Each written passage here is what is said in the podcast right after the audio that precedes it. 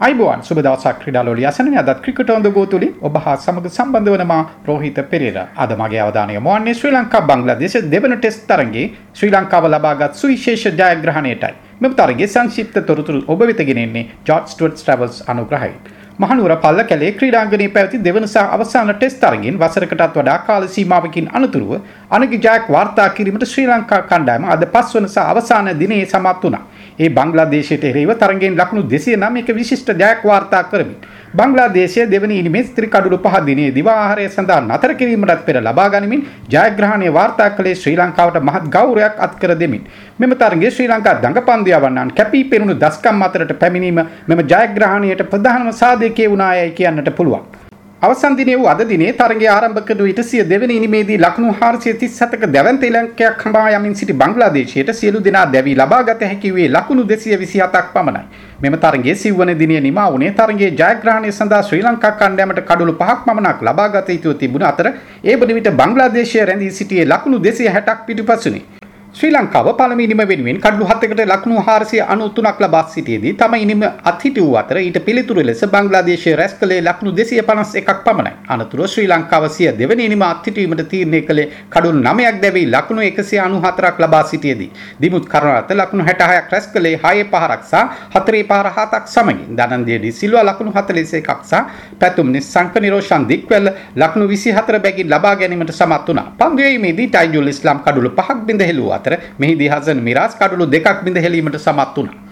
සිව්වන දිනේ පෙරවරුවේ නොදැවි ලකුණු 24ක් ලබා සිටි තමිම් ඉක්බාල් දවා ගැනීමට රමේෂ් මෙන්ඩිස් සමත් වුණු අතර සයිෆ් හසන් ලකුණු 34කට දැවී ගියේ ප්‍රවීන් ජයවික්‍රම යොමු කළ පන්දුවකට සුරංග ලක්මාල් අතර උඩ පන්දුවක් ලබා දෙමින් නජ්මුල් හුසේන් ශාන්තෝ වෙත යොමු කළ පන්දුවක් කෙලින්ම කඩුල්ලේ වැදීමෙන් ලකුණු 26කට දවාලීමත් සමග මෙම තරගයේ ප්‍රවීන් ජයවික්‍රම විසින් ලබාගත් 8 වන කඩුල්ල වාර්තා වුණා.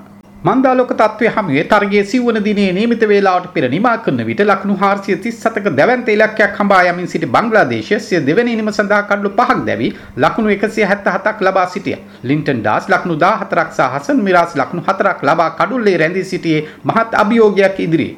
පස්වන සහ අවසාන දිනේ උදෑසන රමේෂ් මෙන්ඩිස් විසින් මොමිනුල් හක් ලකුණු 32කට සහ මුෂ්ෆික් රහීම් ලකුණු 40කට පිළිවෙලින් දවා ගැනීමට සමත් වුණා. හසන් මිරාස් ලකුණු 39ක් සහ සයිෆ් හසන් ලකුණු 34ක් ලබා තිබීදී දැවී ගියා. දෙවනි ඉනිමේ සුපිරි පන්දුවීමක නිරත වූ 22 වැරිදි ප්‍රවීන් ජයවික්‍රම ලකුණු 86කට කඩලු 5ක් බිඳ හෙළුව අතර මෙම තරගයේදී ඔහු ලකුණු 178කට කඩලු 11ක් බිඳ හෙලීමට සමත් වීම මේ තරගයේ දුටු සුවිශේෂම පන්දුවීමයි කියන්නට පුළුවන්. මේ ශ්‍රී ලංකාව වෙනුවෙන් ටෙස්ට් වරම් දිනාගත් තරගයකදී කඩලු 10ක් දවාගත් පළමු පන්දු යවන්නා වීමත් සමග ශ්‍රී ලංකා ක්‍රිකට් ඉතිහාසයේ නව පිටුවක් සනිටුවාන් කලා පමණක් නොව 21 වන සියවසේදී මංගල ටෙස්ට් තරගයකදී කඩලු 10ක් දවාගත් ලොව දෙවෙනි පන්දු යවන්නා වන්නේද ප්‍රවීන් ජයවික්‍රමයි. ඊට සමගාමීව වසර 144ක් පැරණි ලෝක ටෙස්ට් ක්‍රිකට් වංශ කතාවේ නව ලෝක වාර්තාවකට හිමිකම් කීමටද ඔහු සමත් වුණා. මෙම තරගයේ බංග්ලාදේශයේ වෙනුවෙන් තමීම් ඉක්බාල් මමිනුල් හක් සහ මුෂ්ෆික් රහීම් පිත්තෙන් දස්කම් දැක්වූ අතර පන්දුවේමේදී තස්කින් අහමඩ් සහ ටයිජුල් ඉස්ලාම් දස්කම් දැක්වුවායයි කියන්නට පුළුවන්. මෙම ජයග්‍රහණයත් සමග ශ්‍රී ලංකාවට තරගයේ එකට බිඳුවක් ලෙස තරඟාවලියේ ජය හිමි වුණු අතර තරගයේ වීරයා ලෙස ප්‍රවීන් ජයවික්‍රමද තරඟාවලියේ වීරයා ලෙස දිමුත් කරුණාරත්න සම්මානයෙන් පිදුම් ලැබුවා. එම පොතත් සමගින් අද ක්‍රිකට් ක්‍රීඩා තොරතුරු අවසන් වෙනවා. ක්‍රිකට් ඔන් ද ගොතුලින් නැවතත් ඔබ හමුවීමට බලාපොරොත්තු ඇතුව ඔබගෙන් සමුගන්නාමා රෝහිත පෙරේරා